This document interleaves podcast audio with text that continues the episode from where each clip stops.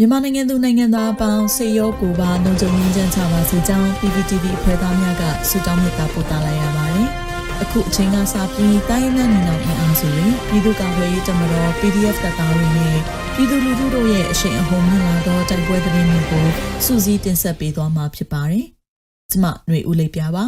ပထမဦးစွာကဏီမြို့နယ်ရင်းစစ်တပ်စစ်ကြောင်းမိုင်းဆွဲတိုက်ခိုက်ခံရပြီးအများအပြားထိခိုက်ဒေဆုံးတဲ့သတင်းတင်ဆက်ပါမယ်။ စကိုင်းတိုင်းကဏီမြို့နယ်တပြည်တော်ရွာအနောက်ဘက်တွင်နေမြေရှင်းလင်းရန်ရောက်ရှိလာသည့်အကြမ်းဖက်စစ်တပ်စစ်ကြောင်းကိုဒေသခံကာကွယ်ရေးတပ်ဖွဲ့များကဩ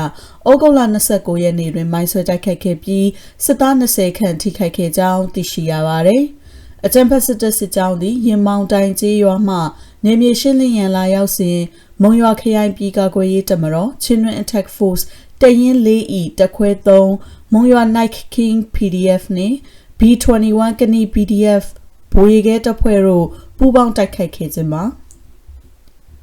တောင်တကုံတွင် လုံခြုံရေးကင်းလာချသည့်စစ်ကားကို မိုင်းခွဲတိုက်ခိုက်ခဲ့ရတဲ့တရင်ဆက်လက်တင်ဆက်ပါမယ်။ရန်ကုန်တိုင်းတောင်တကုံမြို့နယ်မောင်းမကန်လမ်းမကြီး18ကွေ့မှတ်တိုင်းလမ်းစုံတွင်အကြမ်းဖက်စစ်ကောင်စီတပ်ကစစ်သား2ဦးနှင့်ရဲ2ဦးကိုကင်းလာချသည့်စစ်ကား double cab ကိုမိုင်းခွဲတိုက်ခိုက်ခဲ့ကြောင်း Special Tax Agency of Burma STA ထမှသိရှိရပါတယ်။ဩဂုတ်လ30ရက်နေ့နနက်6နာရီအချိန်တွင်စစ်ကားကိုမိုင်းခွဲတိုက်ခိုက်ခဲ့ခြင်းဖြစ်ပြီးအကြမ်းဖက်စစ်တပ်မှစစ်သား2ဦးဒဏ်ရာရရှိကြောင်းအခြားထိခိုက်ဒေဆုံးမှုရှိမရှိဆက်လက်စုံစမ်းလျက်ရှိကြောင်း STA ကထုတ်ပြန်ထားပါတယ်။ဆက်လက်တင်ဆက်မှာကတော့ KNU တမဟာ9နယ်မြေတွင်ကျူးကျော်ထားသောအကြမ်းဖက်စစ်တပ်ကို KNL ကတိုက်ခိုက်ရာ၄ဦးသေဆုံးတဲ့တဲ့တွင်မှာ ကီမျိုးသားအစည်းအရုံး KNU ကော်တူလေးအုပ်ချုပ်နယ်မြေတွင်တမဟာငါမူတရောဖပွန်ခရိုင်အတွင်းကျူးကျော်တဆွဲထားသောအကြမ်းဖက်စစ်တပ်ကိုကရင်အမျိုးသားလူမျိုးရေးတမတော် KNL ကပြစ်ခတ်တိုက်ခိုက်ရာ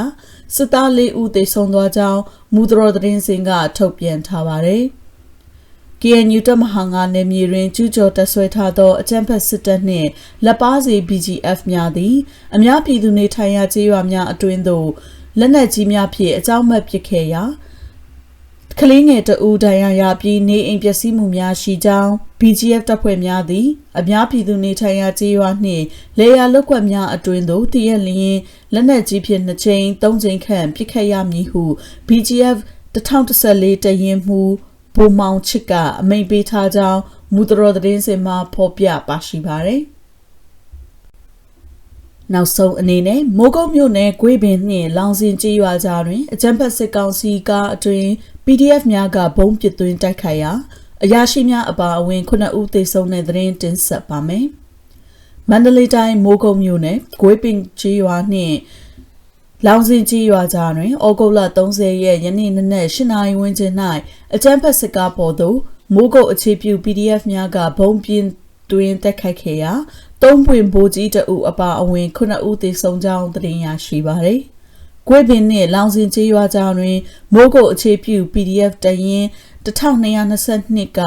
မိုင်းခွဲရန်ဆောင်နေစဉ်အင်အား20ခန့်ပါသောစစ်ကောင်စီတပ်ဖွဲ့သည် Star X မျိုးကအစားကားဖြင့်လာစဉ်အဆိုပါကားအတွင်းသို့ဘုံပစ်တိုက်ခိုက်ရာ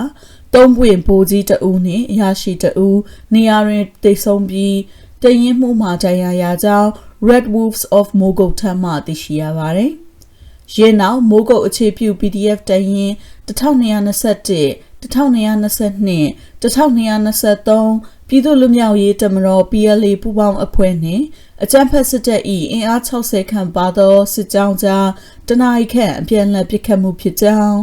မိုင်းသုံးလုံးဖြင့်ဖောက်ကွဲတိုက်ခိုက်ကြောင်း PDF များအထိခိုက်မရှိစုခွာနိုင်ခဲ့ကြောင်းသိရှိရပါတယ်ရှင်။ အကြံဖက်စစ်တပ်သည်သေဆုံးသွားသောတုံးပွင့်ဘိုးကြီးနှင့်အရာရှိတအုပ်ကိုမိတကြိုသလိုအခြားတတား9ဦးကိုမြေမြုပ်သွားကြောင်းဒရာရစစ်သား14ဦးကိုမိုးကုတ်ဆေးရုံတို့လူနာတင်ကား6စီးဖြင့်၃ခေါက်ပို့ဆောင်ခဲ့ကြောင်း Red Wolves of Mogo အဖွဲ့ကသတင်းထုတ်ပြန်ထားပါတယ်ရှင်။